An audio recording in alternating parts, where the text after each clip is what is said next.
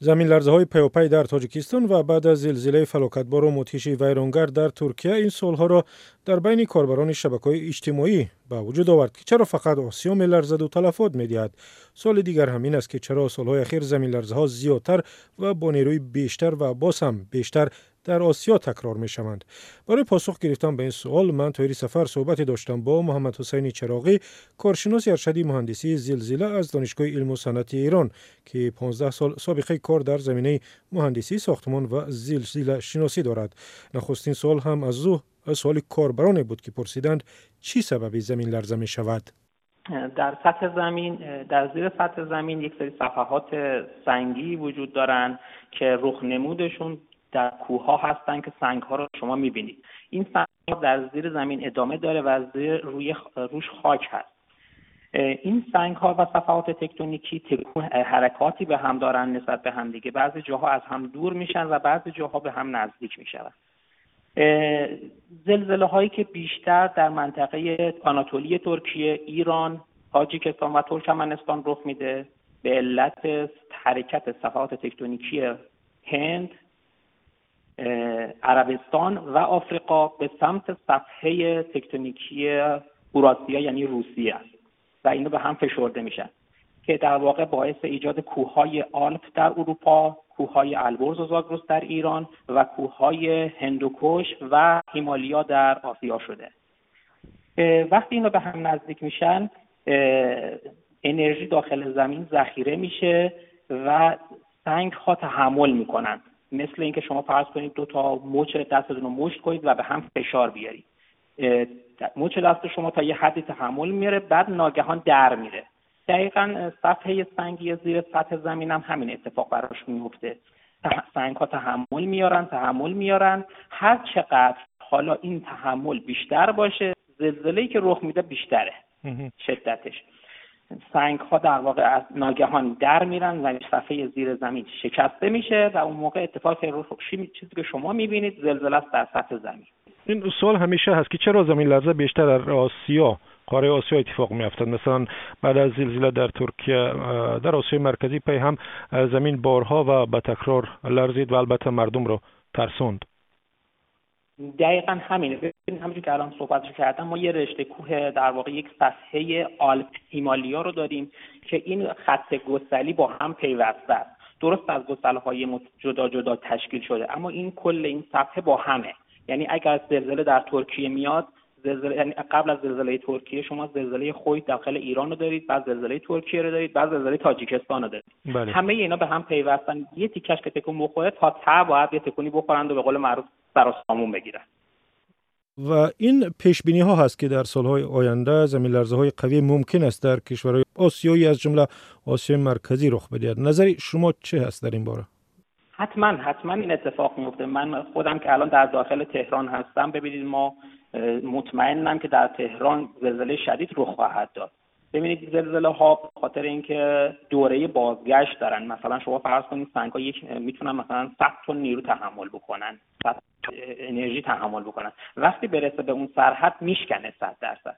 حالا ما باید ببینیم که آیا می‌رسه یا نمی‌رسه. قضیه اینه که صفحه عربستان و صفحه هند و صفحه آفریقا به صورت پیوسته به سمت صفحه روسیه حرکت می‌کنه. یعنی اگه امسال ما زلزله تاجیکستان و زلزله ترکیه رو داریم مطمئنا شاید 60 سال دیگه و 70 سال دیگه باز هم خواهیم داشت در همون منطقه و علمی زلزله شناسی در سالهای اخیر پیشرفت زیادی کرده است و این شما خوبتر از ما می‌دانید آیا می تواند در آینده نزدیک زلزله را دقیق پیش بینی کند که کی و شاید در کجا اتفاق می افتد؟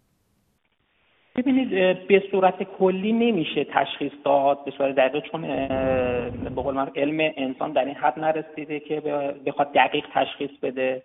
اما با مطالعات زلزله های تاریخی بررسی های زلزله های تاریخی مثلا شما میگید در مثلا یک قسمتی از تاجیکستان هزار سال پیش زلزله اومده 800 سال پیش اومده 600 سال پیش اومده پس یک زلزله قوی در این قسمت مثلا فراقنه تاجیکستان هر 200 سال ما یه زلزله شدید داریم. این نسبی می‌تونیم بگیم.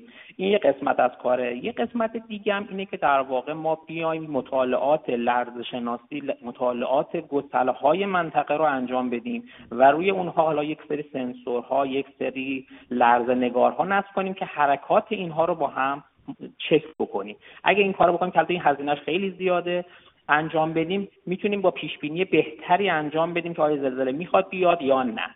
اما جدا از پیش بینی ما همیشه باید آماده باشیم. مسئله اصلی آمادگیه. بالفرض من ژاپن یا آمریکا رو مثال برای شما بخوام بزنم. ژاپنیا سرمایه گذاری زیادی در مورد اینکه آیا کی می‌خواد زلزله بیاد نمی‌کنن. اونها می‌دونن که میاد زلزله شدید. یعنی ما وقتی من مطمئنم که یک زلزله مثلا 8 ریشتری یا 9 ریشتری یا 7 ریشتری قراره در ژاپن بیاد خب من حالا چه امروز بیاد چه فردا بیاد. مهم اینه که من باش آماده باشم. و کاری که ژاپن و آمریکا انجام میدن این قضیه است. ما باید آماده باشیم. کشورهای آسیایی چیکار باید کنند تا اتفاقاتی که در ترکیه افتاد در آنها صورت نگیرد؟ منظورم ویران شدن ساختمان های زیاد و تلفات مردمی زیاد بود. هست. مهمترین قضیه استفاده از تجارب قبلی زلزله ها که بهترینشون در واقع در آینامه ها و کدهایی که برای ساختمان سازی و سدسازی نیروگاه سازی آتش نشان سازی برای ساختمان هاست که بهترینش آمریکا و ژاپنه. چون اینا زلزله زیادی داشتن خب آینامه هاشون بسیار پیشرفت کرده و ما استفاده همینجور که با داخل ایران داریم استفاده می‌کنیم. حالا من اطلاع زیادی در مورد تاجیکستان در این زمینه ندارم. موضوع بعدی آموزش به مردمه. یعنی چی؟ ما به مردممون آموزش بدیم که قبل از اینکه زلزله بخواد بیاد چیکار باید بکنن؟ نقاط امن خونه هاشون رو بشناسن. بدونن که کجا امنه کجا امن این کار در واقع شهرداری ها و دولت ها دولت در واقع اون کشور تاجیکستانه که آموزش بهشون بده. و اگر شما این آمادگی داشته باشید مثلا منی که در واقع یک خودم حالا به گونه زلزله شناس می‌دونم نقاط امن خونم تحلیل کردم بررسی کردم به بچه هم و فرزندانم هم آموزش دادم که اگر خدای نکرده زلزله اومد کدوم نقطه از خونه برید؟ امنتره. این یه قسمتی از پیش بینی آمادگی هاست. یه قسمت تهیه مواد غذایی کنسروی مثلا کنسرو های عموما یک سال تا دو سال مثلا ذخیره چیز دارن در واقع تاریخ انقضا دارن. نگهداری آب همینجور. توی بطری های آماده. شما مثلا دو تا بطری سه تا کنسرو یک گوشه ای از ساختمونی قسمتی یه مقداری پتو همیشه اینو آماده داشته باشه چون می‌دونید که میاد.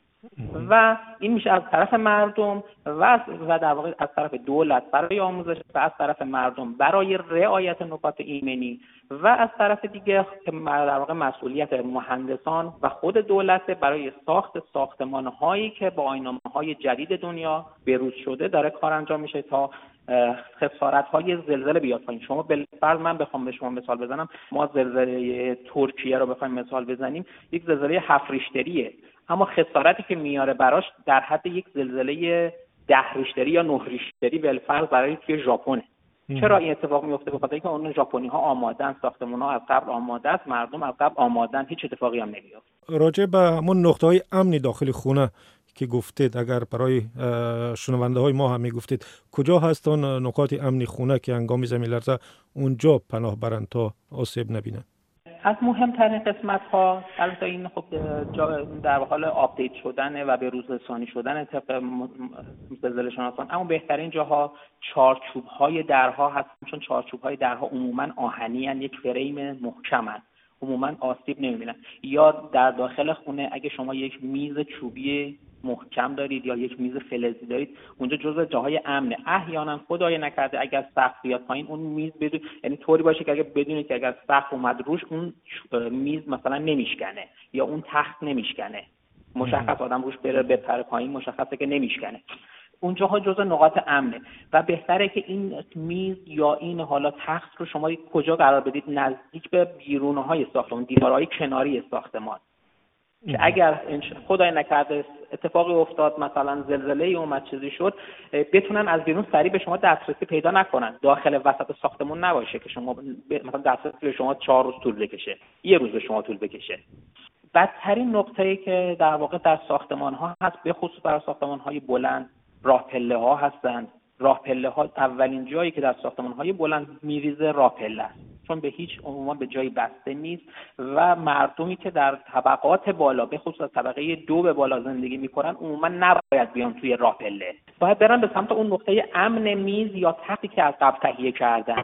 چرا؟ چون راپله میریزه. آسیب همونجا آسیب من خیلی از پشته هایی که در داخل زلزله مثلا زلزله بم ایران یا زلزله کرمانشاه ایران اتفاق افتاد در واقع در همون راه پله ها رخ داد. حتی اگر هم نریزه به خاطر اینکه شما فرض کنید یک ساختمان پنج طبقه یک ساختمان چهار طبقه همه می‌دونن می‌خوان بیان پایین آسیب می‌بینن از پله ها میافتن پایین. اصلا ممکنه همونجا دست پاشون بشکنه خونریزی کنن و در اصلا به قول معروف به امداد نجات نرسن. اینم نکات مهمیه. ташаккур муҳаммадҳусайни чароғӣ коршиноси аршади муҳандисии зилзила аз донишгоҳи илму санъати эрон бо радиои озодӣ суҳбат мекард ва дар бораи заминларзаҳои паёпай дар қораи осиё ва аз ҷумла тоҷикистон.